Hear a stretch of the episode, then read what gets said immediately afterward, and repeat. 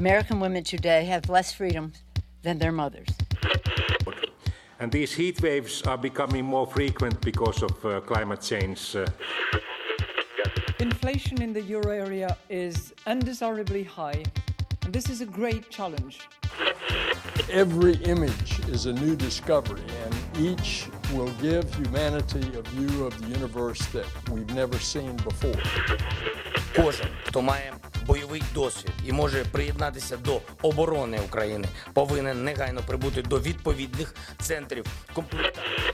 We have had wars with Russia, and we don't want that kind of future for ourselves, for our children. Hasta la vista, baby!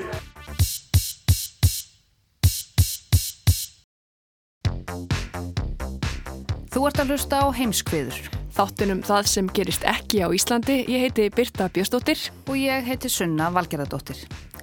Í setni hluta þáttarins ætlum við að fjalla um ný afstæðnar þingkostningar í Danmörku.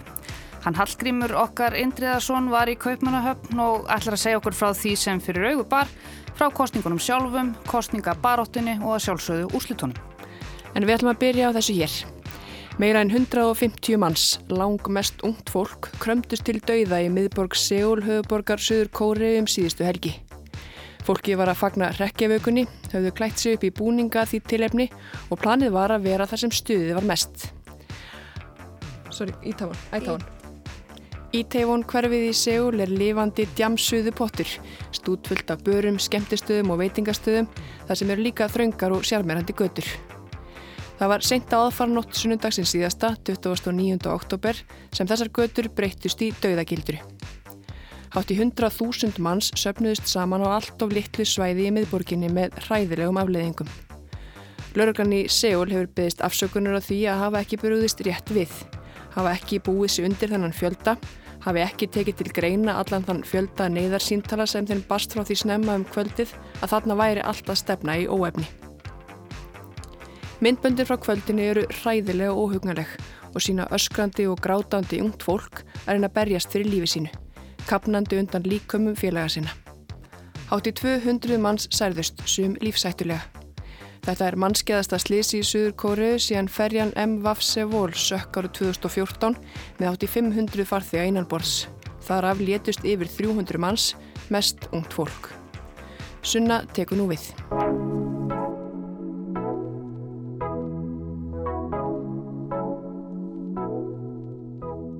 Rekkjavakan, þessi forni heiðni siður tegir ánga sína víðar en um vesturlöndin. Hún er farin að smittast um allan heim. Hinn eiginlega rekkjavaka, allra heilagra messa, samhein, er alltaf 31. oktober ár hvert. En svo dagsetning lendi núna á mánudegi. Svo stórum rekkjavökupartíum var flýtt örlítið svo það væri hægt að skemta sér langt fram á nótt á þess að þurfa að hafa áhyggjur af því að vakna fyrir allar aldir til vinnu eða skóla daginn eftir. Laugardagskvöldið 29. oktober var því fyrir valinu sem aðal hrekkjavöku djammið. Það á líklega við um flest lönd sem á annað borð fögnuðu þessum hátíðardegi, meðal annars Ísland, Bandaríkinn, Bretland, Ástralja og Suður Kórea. Í Seúl, höfuborg Suður Kórea, höfðu þúsundir ungs fólks sapnast saman í líflegu miðborgarkverfi senkt á laugardagskvöld til að skemta sér. Flest voru þau klæti í skrautlega hrekkjavökubúninga sem nortnir, draugar, vampýrur eða afturgöngur með gerfi blóð lekandi hingað og þangað um líkamann.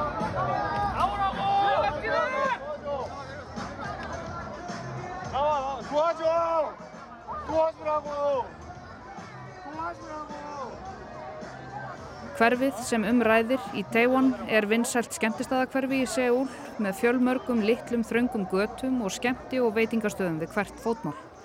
Fjölmiðlar hafa nefnt fjöldatölur á borðið 100.000 manns á þessum litla stað á sama tíma, síðastliði lögataskvöld.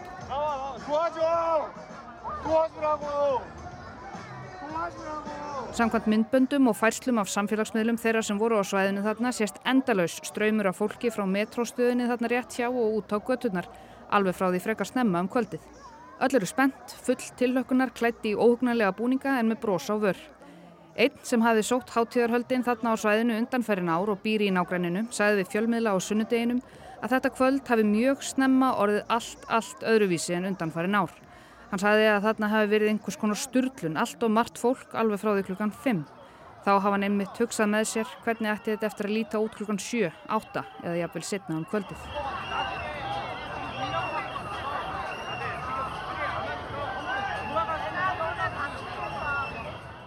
Og það var þarna snemma um kvöldið sem fólk á svæðinu var farið að deila hverri samfélagsmiðla færslinu á fætur annari um að þau væru hrætt. Það væri allt og mikið af fólkið þarna og þau óttuðust um öryggi sitt. Þetta var fyrir klukkan 6 á lögutaskvöldinu.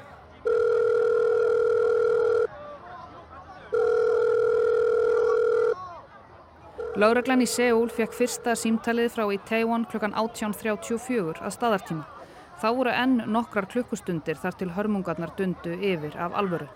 Innringjandin tilkynnti lauruglu þarna klukkan hálf sjö að þraung gata á svæðinu sé orðin afar hættulega vegna oftróðningsfólk sem nær kvorki að reyfa sig fram nýja aftur. En fólkið heldur áfram að streyma á svæðið, ítað þvögunni lengra upp og þetta á eftir að enda með því að fólk kremst undir. Ég rétt náða að forða mér út, það er allt og mikið að fólki hérna. Ég heldi þetta á komingað og reyna ná stjórn á hlutunum. Þetta sagði innringjandin. Láreglann spurði þá hvað meinti með því, er ekki frjálst flæði fólks þarna? Er staðan mögulega orðin þannig að fólk sé að fara að kremjast þarna og detta og það stefni jafnvel í stórslis?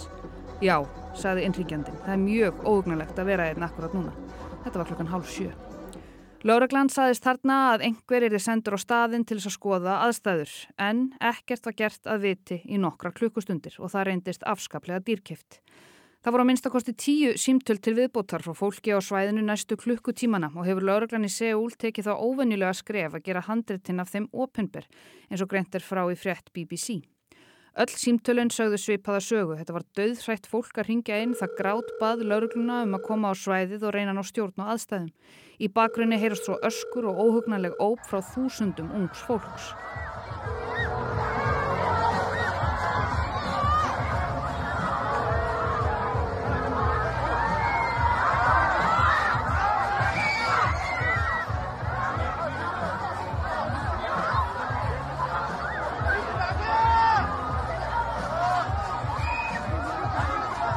Það heyrðist greinilega á þessum síntölum sem bárust lauruglu klukkan rúmlega átta að staðan var orðin alvarleg.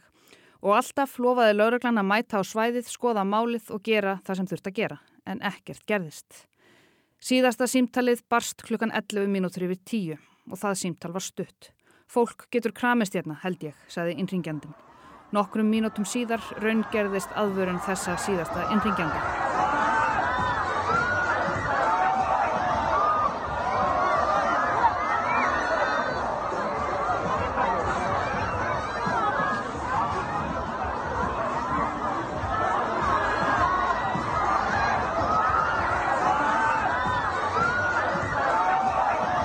Kortir yfir tíu duttu nokkrir úr þvögunni efst í brekku. Fjöldin byrjaði að þrýsta að miðju frá báðum hliðum sem gerði það að verkum að það var ógjörningur að komast burt. Fólk reynda að forða sér með því að klifra upp á byggingar í jæðrið þvögunar, sumum tóksta, öðrum ekki. Klukkan 24 mínútur yfir tíu tilkynntu slökkulismenn á staðnum að tíu manns hefðu lengt undir þvögunni og átti í erfiðleikum með andartrátt.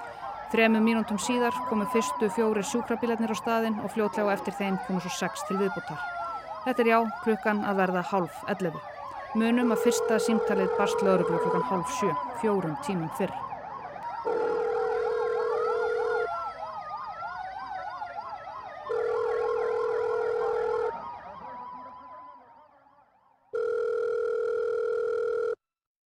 Sjónarvottar lýsa því sem gerðist þarna sem eins konar öldu. Ef þú varst inn í enni gastu eiginlega ekkert gert. Fólk var að kapna, það öskraði af það gat, kramtist og sum döttu niður. Klukkan 11 voru sjúkrabílarnir á svæðinu að nálgast 50. Öllum var orðið ljóst hversu alvarleg staðan var. Um 100 sjúkraflutningamenn og sérfræðingar í náttúruhamförum voru komin á staðin og 20 mínútum síðar var búið að aflýsa öllum hrekkjavöku háttíðum í borginni.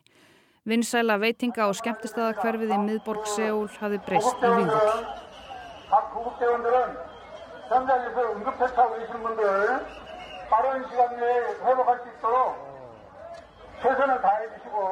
það.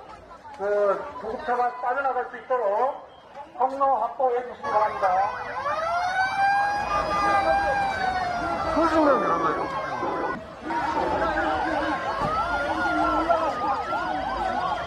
그 뒤쪽에 무창으로 도착한 Fyrsta döðsfallið var staðfæst klukkan hálf þrjú um nótt og þeim fjölgaði svo hratt. Fyrstu dánatölur þarna um nóttina voru 59 og þá voru talin um 150 slösuð. Klukkustund síðar um klukkan fjögur voru talin 120 látin og 100 slösuð. Þessi tala hér svo áfram að hækka, hægt og bítandi. Staðfest döðsvöll eru nú 156. Slösuð er að minnstakosti 172 þar af týjir alvarlega. Lang flest þeirra sem létust voru ungmenni, flest frá Suður Kóreu um 130 en fórnarlömpun voru líka meðal annars frá Íran, Kína, Rúslandi, Japan, Austuríki, Bandaríkjónum, Ástralju, Fraklandi og Noregi. Um 400 sjúkraliðar voru á svæðinu þegar mest var til að veita lífbjargandi aðstóð og flytja særða og látna á brott. Það sást á myndskeiðum frá Seúl hvernig þeim látnum var komið fyrir í líkbókum og götum úti á meðan björgunar fólk reyndi að koma þeim særðu til aðstóðar. Einhverjir sátu lengi fastir undir líkum af félögum sínum. Myndböndin frá þessu kvöldi eru vægast sagt óhugnanleg. Einhver af þeim örfáur sem hafðu lausar hendur í þvögunni náðu að setja snjálfsíman sinn á loft og ítá upptöku svo internetið er allt morandi af myndskeiðum af öskrandi ungmennum í klætt hrekkjavökubúningum að kremjast til döðu.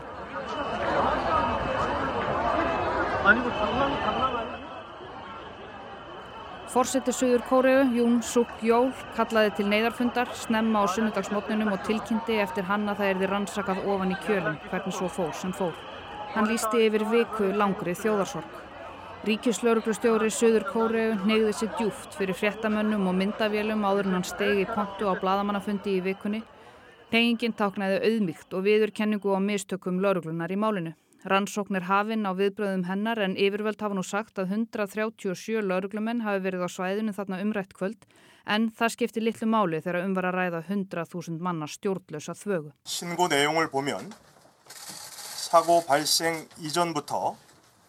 Í þessari rannsókn höfum við staðfest að mörg símtöl bárust neyðarlínunni sem gáði til kynna hver alvarlegt ástandið var rétt fyrir slísið. Innringingarnar vörðuðu við þessari miklu mannþröng sem kom saman. Við teljum að viðbröðin á staðunum við neyðarsýmtölunum hafi verið ófullnægjandi. Ríkislauglustjórun segir að sveitir hans hefðu bröðist og að lögreglan axlaði fulla ábyrð á því sem miður fór. Viðbröð okkar við símtölunum voru ekki forsvaranleg. Ég ber ríka ábyrð á þessu, sagði ríkislauglustjórun. Innaríkisráþara Suður Kóriði hefur sömulegðis beðist afsökunar vegna atbyrðana og viðurkent mistök.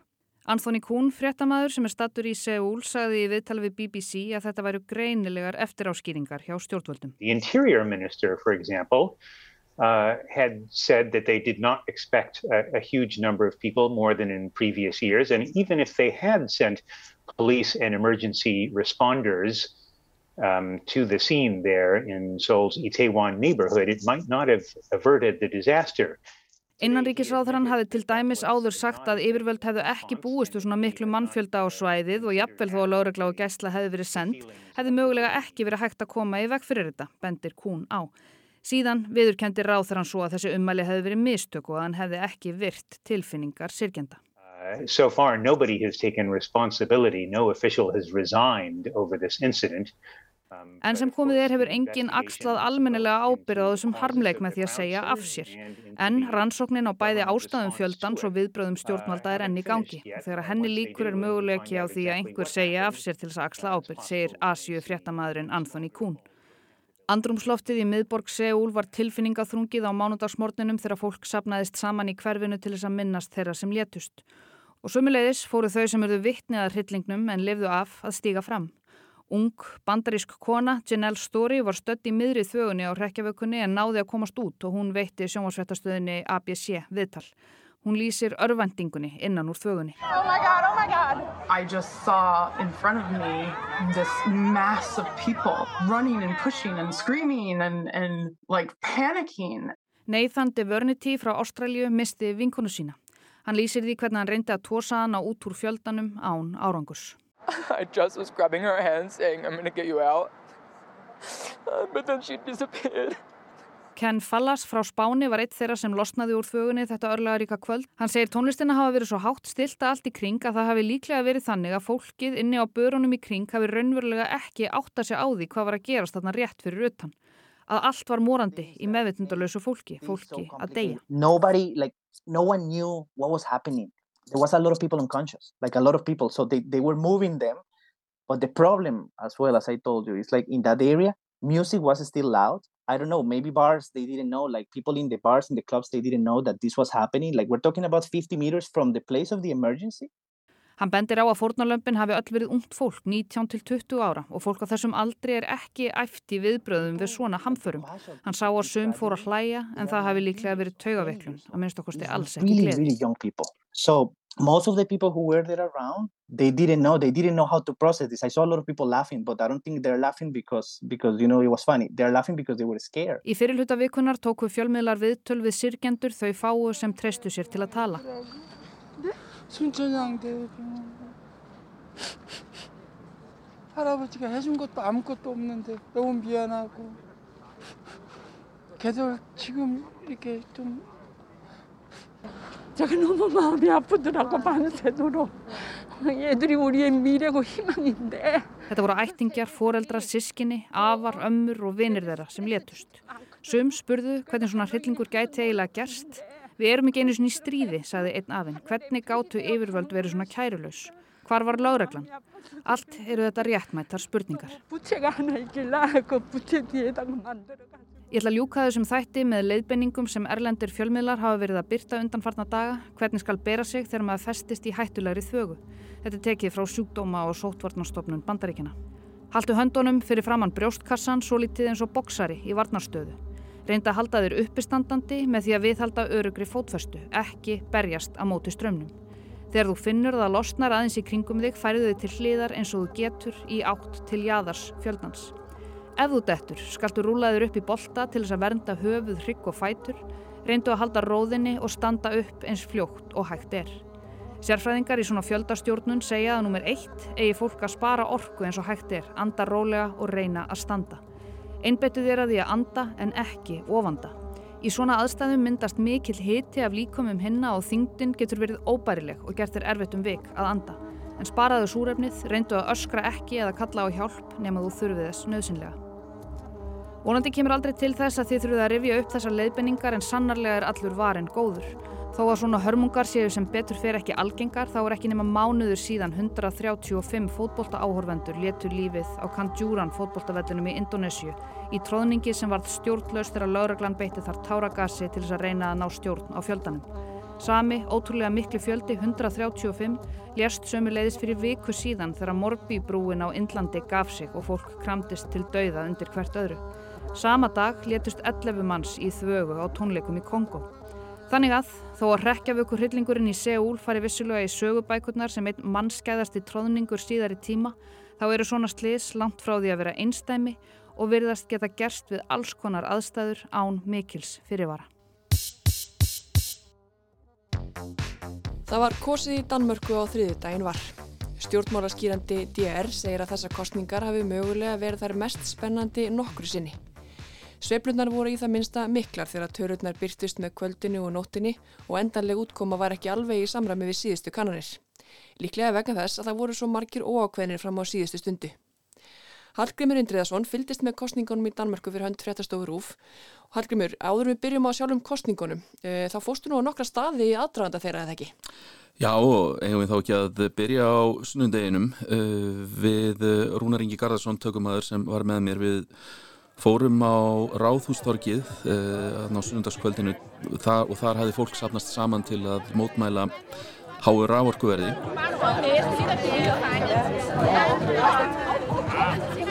Þetta var allt svona hófstilt og yfirvegað og uh, svona, já, falleg kvöldstemning, uh, fólk var með kindla og, og önnur ljós meðferðis en orkuverði greinilega sko satt í fólki. Ég talaði við eitt sem bjó á Norður Jólandi sem saði að ramarsreikningurinn hans yfir þryggjamánaða tímabil hefði hækkað úr 6.000 dönskum krónum í 18.000. Á stundum tíma? Já, þetta er bara far frá því fyrir stríðið. Þetta er svona þreföldun á rávorkverðin, hann er að í íslenskum krónum er þýðir þetta að hann er núna þá að borga eitthvað ríflega 100.000 íslenska krónur á mánuði fyrir ramagnið. Þannig að eðlilega býtir þetta í en... Fólk hefur farið að mótmæla að minna tilhörna það? Heldur betur, en síðan uh, gekk hópurinn áleiðis að uh, orkumálaráðuneytinu og uh, tók mótmælastöðu þar. Og við svo sem fylgdum þeim ekki eftir.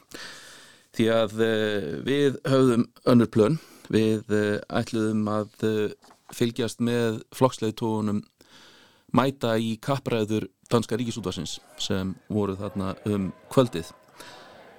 Þær voru haldnar í tónleikahöll uh, DR uh, og þar mættu allir 14 flokksleiðtóðanir, það voru semst 14 flokkar sem, sem buðið þarna fram. Við bara mættum í alveg hörku stemningu.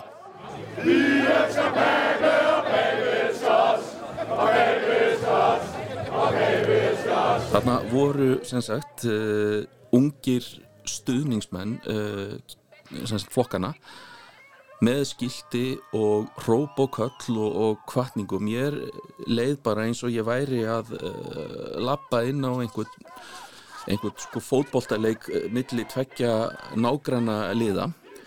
Kannski eðlileg samlíking það sem ég er nú mikill fótbollt áhuga maður en, en þarna voru liðin öllu meiri þannig að það var svona meiri káos í, í hrópunum. En stemningin alveg uh, frábær og, og í raun og veru það sem, það sem kannski ég tók líka eftir að það voru samt engin illindi á, á milli uh, stuðningsmanna flokkana. Já, ég ætlaði um að spyrja út í það, við sáum myndirna sem að þið hérna, tókuð þarna úti og það var mikið læti og svona hamagangur, þetta var allt í góðu. Þetta var allt í mjög góðu og, og uh, engin kýtingur á milli menn bara voru eina keppin fólst í því að reyna að yfirgnæfa hinn hópin. En síðan náttúrulega svona jógst stemningin um allan helming þegar uh, flokksleitóarnir komu.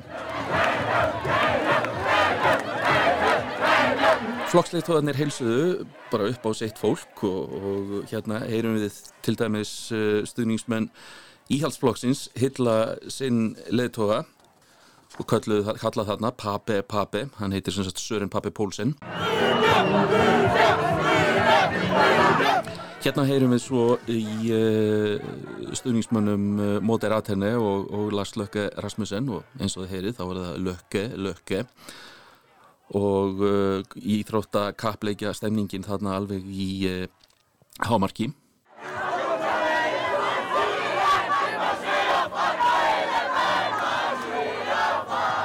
Þessir baróttu söngvarar eru svo aðeins flóknari, það var Jakob Ellemann Jensen leiðtói í venstri sem fekk þetta, þar voru með, með meira samsetta uh, söngva um uh, já, dugnað og ágæti sínsleitva. Meiri metnaði laður í þetta greinlega? Aðeins, já. Síðan kom uh, Mette Fredriksen en ég, ég sagt, sá að eftir áður áður en að hún kom þá uh, átti lögreglan mjög svona já, gott samtal við leðtoga stuðningshóps jafnaðamanna og þetta væntanlega helgast að því að Mette Fredriksen er fósættis á þeirra og það er svona gildað svona strángari öryggisreglur um hana.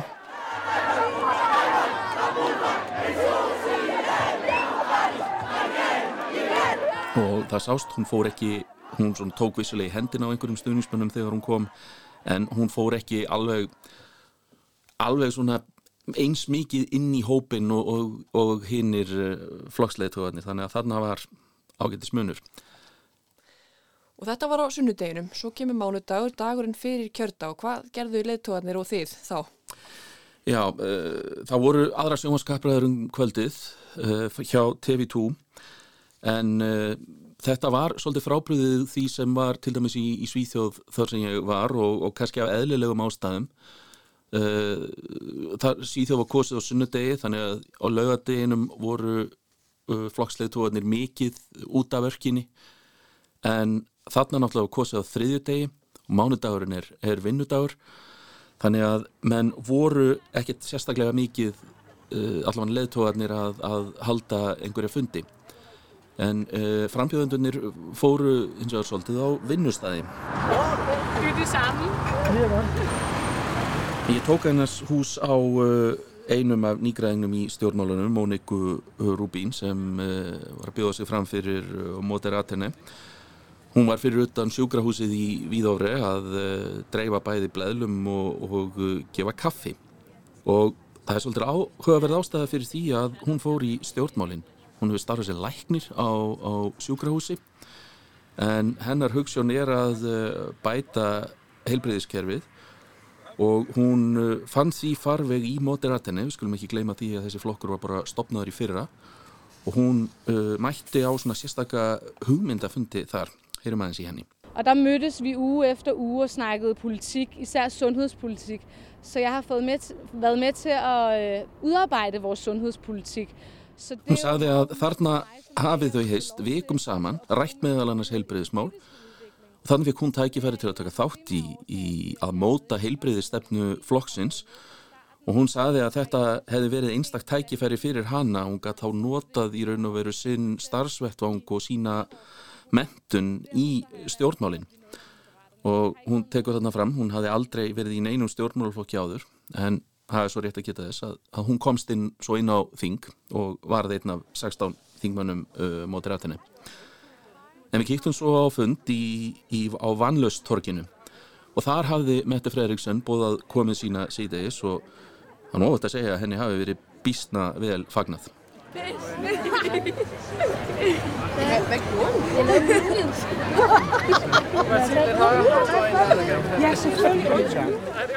Það vildu bókstallega allir þarna taka sko sjálfu af leðtóanum og heilsenni og tala við hana og hún tók mjög vel á, á móti öllum og þetta var eiginlega svona meira eins og að sko horfa á einhverja rockstjörnu heldur en stjórnmálumann. Það var, aðdánin var greinlega gríðarlega mikil og, og uh, það er alveg ljóst að hún nýtur alveg svakalegar hilli meðal þeirra sem stiði hana á hana borð. Einmitt, og svo voru reyndar fleiri stjórnur sem að skínu skert í þessari kostningabaratu og nú eru við komin að kjördeginum sjálfum, þriði deginum og þá náðu þú að ræða við eina af þessu stjórnum sem er engin nýgraðingur, Lars Lökke Rasmussen.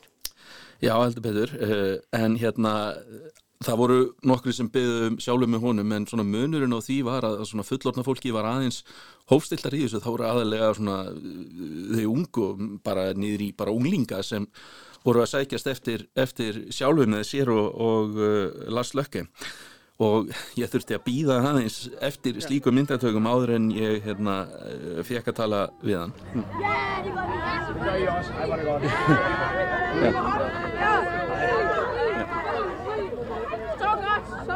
Ja. Ja. Et spørgsmål, Lars. Kan du tænke at være... Hej. Kan du tænke over at være helseminister i en ny regering? Jamen, jeg er slet ikke... Det er alt for tidligt, men altså...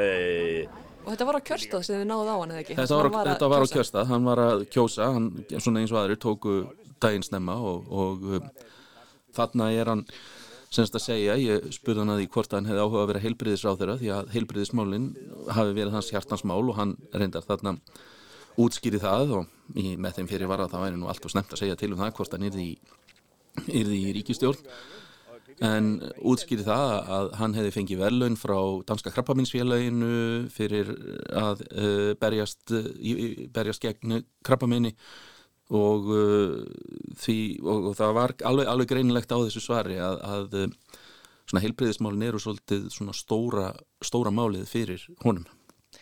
Einmitt og þá þegar þau voru öll búin að greiða atkvæði þá ætla komið að því sem að flestir býða eftir sem eru kostningavökunar og þær voru nú margar á sama stað ólíkt í til dæmis sem er hér heima. Já og þetta hefur verið svona um nokkuð skeið bara flestir flokkarnir eru með sínar kostningavökur í uh, sölum í uh, Kristjánsborgar höll og þeir eru nú ansi margir salitnir þar uh, þannig að það var auðvitað þægilegt fyrir okkur fjölmiðlamennin að geta bara svona lappað svona á milli og, og, og kíkt á, á stemninguna. En kjörstuðum lokaði sem sagt klukkan 8 uh, og þá komu bæði TV2 og HDR með útgöngusbár og við vorum í húsakinnum eða salarkinnum jafnaðamanna þegar TV2 spáin kom, hún kom aðeins á undan og þar var sagt, spáinn svo að hvoru blokkin fengi meiri hlutar líkt og menn höfðu reikna með að gæti og til staðan. Rauða blokkin fekk 85 þingmenn og bláa 73 það er 90 til þess að meiri hluta. En uh, jafnaðamenn voru ekkert sérstaklega sáttir við þessa spáð því að þarna voru þeir með 23% fylgi. Ef það hefði orðið niðurstaðan þá hefði þetta orðið versta útkoma jafnaðamanna í 100 ár þarna, þarna heyrist bara skvaldur og, og ekkert sérlega mikill fögnuður í, í gangi hjá jafnaðamennum og það batnaði ekkert þegar spátt ég er komið, hérna bara skömmu setna en við náðum þarna tali af Magnús Hóinike sem er heilbreyðisáðura og tímaður jafnaðamanna og han var nu samt nokkuð brattur þegar útlitið var svona. Jamen, det, det her har jeg håbet på, og i øjeblikket ser det ud som om, der er et mandats øh, forskel, så det er jo uhyggeligt øh, tæt, og det kan selvfølgelig godt rulle til frem og tilbage. Hann vísaði í útgöngusbá sem síndi að reyndar að aðeins þyrsti eitt þingmann til að rauðablokkin uh, fengi meiri hluta og þá var hann að vísa og þá var þarna orðið ljóst að það erðu þrýra fjórum þingmannum færinga og grænlendinga sem myndu enda í rauðablokkinni og hann sagði já þetta er þess vegna tæft en, það, en hann talaði ennþá um aðalmálið að mynda stjórn yfir miðjuna sem sagt að það er ekki bara vinstri blokkin, það væru svo mörg vandamál og það þýrtu allir að leggjast á eittum að, að leysa þau. Einmitt. En þessu útgangusbár sem þú nefnir, það er voru svona daldi í takt við skoðanakanna sem hefur byrst en svo var þetta daldi sveiplukent kvöldir það ekki? Þetta var mjög sveiplukent Þetta gerir, þessi spá kom klukkan 8 þegar klukkan var að nálgast hálf tíu þá hafði dreyið saman með eh, rauðu og bláu blokkinni og þær voru eiginlega orðna nána stjafnar og þá náttúrulega leitt út fyrir að staða Lars Lökke er því enn sterkari. Síðan dró í sundur aftur og uh, síðan þegar leið á kvöldið þá svona hýrnaði yfir stemningunni hjá jafnaðamönnum því að þá voru þeir komnir með yfir 27% af fylgi. Það endaði, endaði síðan þannig, þeir fengu 27,5% og ég var að tala um mögulega vest útkomu í 100 ár, þetta reyndist besta útkoma þeirra í 20 ár. Og þá var stemningin orðin töluvert önnur heldur en fyrir um kvöldið.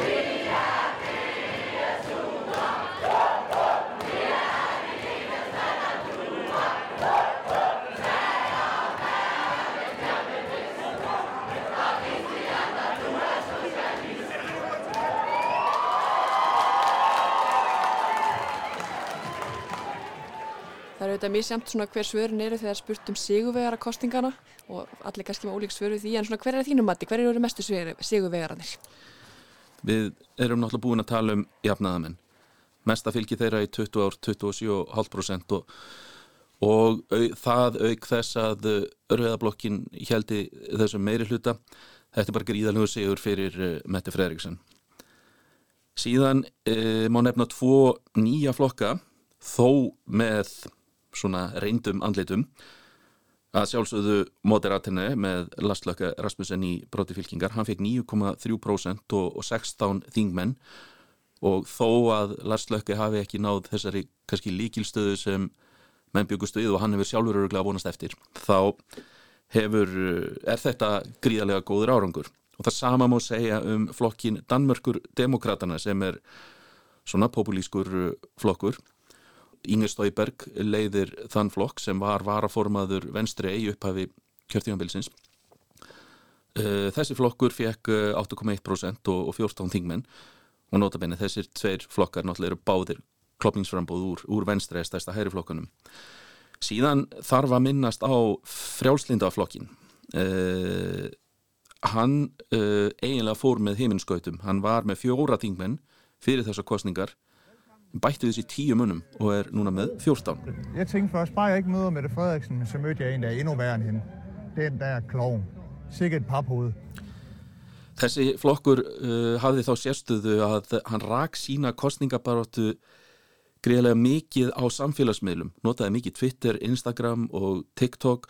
Leðtógin uh, Alex Vanopslag var mjög áberandi í þessum myndböndum og með þessu tókst flokknum og honum að ná mjög vel til ungsfólks og í einhverju könnun sem ég sá þá var flokkurinn með mest fylgi e, þó að það hafi ekkert munið óverlegu held ég 15-16% e, hjá e, kjósendum á aldrinum 18-34 ára. På søndag, der spiller jeg Warzone på Twitch. Det er 12.30 og hann var líka með viðbörði sem höfðu til ungsfólks eins og við heyrim hérna þar sem hann er að kynna að hann ætli sér að spila tölvuleikin Call of Duty í, í gegnum Twitch. En síðan má kannski líka nefna uh, nýja borgaralega flokkin hann er ekki, ekki stórflokkur en uh, hann uh, var stopnaður af tveimur fyrirverandi þingmönnum íhalsflokksins árið 2015 og hann fekk fjóra þingmenn í þeim kostningum og fær sex núna og þannig að hann svona er búin að festa sig í, í sessi uh, þessi flokkur svona uh, hefur svona íhaldsum grunngildi frjálslinda efnagastefnu en er til dæmis með þó afstöðu að Danir er að segja sig úr Európa-samandinu Einmitt. Já, þó nokkri sigurvegarar en hverjir töpuðu mestu? Nú hér verður fyrst að nefna Venstre uh, stæsta flokkin í, í hægri blokkinni hann er ennþá næstæsti flokkurinn á þingi og, en hann fekk aðeins rúmlega 13% fylgi og flokkurinn var með 43 þingmenn í kostningunum 2019 þá náttúrulega var Lars Lökke leiðtói Venstre. En þingmennum fækkar um 20 og eru núna með 23 þannig að hann tapar næstu því helmingnum af, af þingmennunum og Jakob Ellemann Jensen var spurður eftir þetta hvort hann ætlaði að segja af sér en hann taldi að það væri á sína ábyrð að hýfa flokkinu upp aftur Svo getum við nefnt íhaldsflokkin hann uh, fór úr tíu þingmennum í átta og fekk 5,5% fylgi. Þetta ljóma kannski ekki sem mikið tap. En fallið er taldi mikið í ljósi þess að í sumar tilkynnti leðtógin Sören Pape Pólsen að hann vildi vera fósatisráður að þá var flokkurinn með um 16% fylgi í könnunum og, og hafi mælst Uh, já, stærri heldur en venstri en uh, þetta hefur ekki gefist vel því að fylgið hefur bara hrunið bókstálega af floknum síðan út af ímsum uh, málum.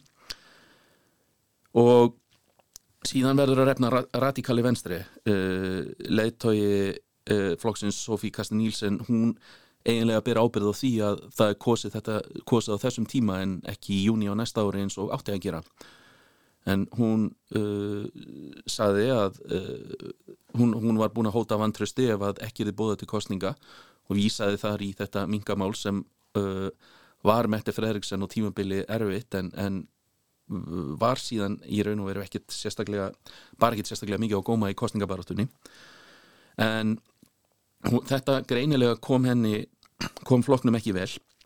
Uh, þau töpuðu meir en helmingnum af uh, þingmunum sínum og eru núna með sjö þingmenn og Sofí Kast Nílsen axlaði ábyrð á þeirri uh, útkomendaginn eftir og, og saði af sér sem leðtói radikali venstri. Vælgerne stemmer vil noget andet, og det har jeg den største respekt for. Og derfor så kan jeg selvfølgelig heller ikke fortsætte som politisk leder. Og så må loku nefna Rótgróin flokk danska þjóðaflokkin. Hann uh, var með 37 þingmenn eftir kostningarnar 2015 tapaði miklu fylgi eh, 2019 og fór niður í 16 þingmenn og hrunið í raun og veru helt áfram í, í þessum kostningum og nú er flokkurinn ekki með nema fjóra þingmenn og, og mátti, mátti nánast bara þakka fyrir að, að vera bara ennþá inn á þingi.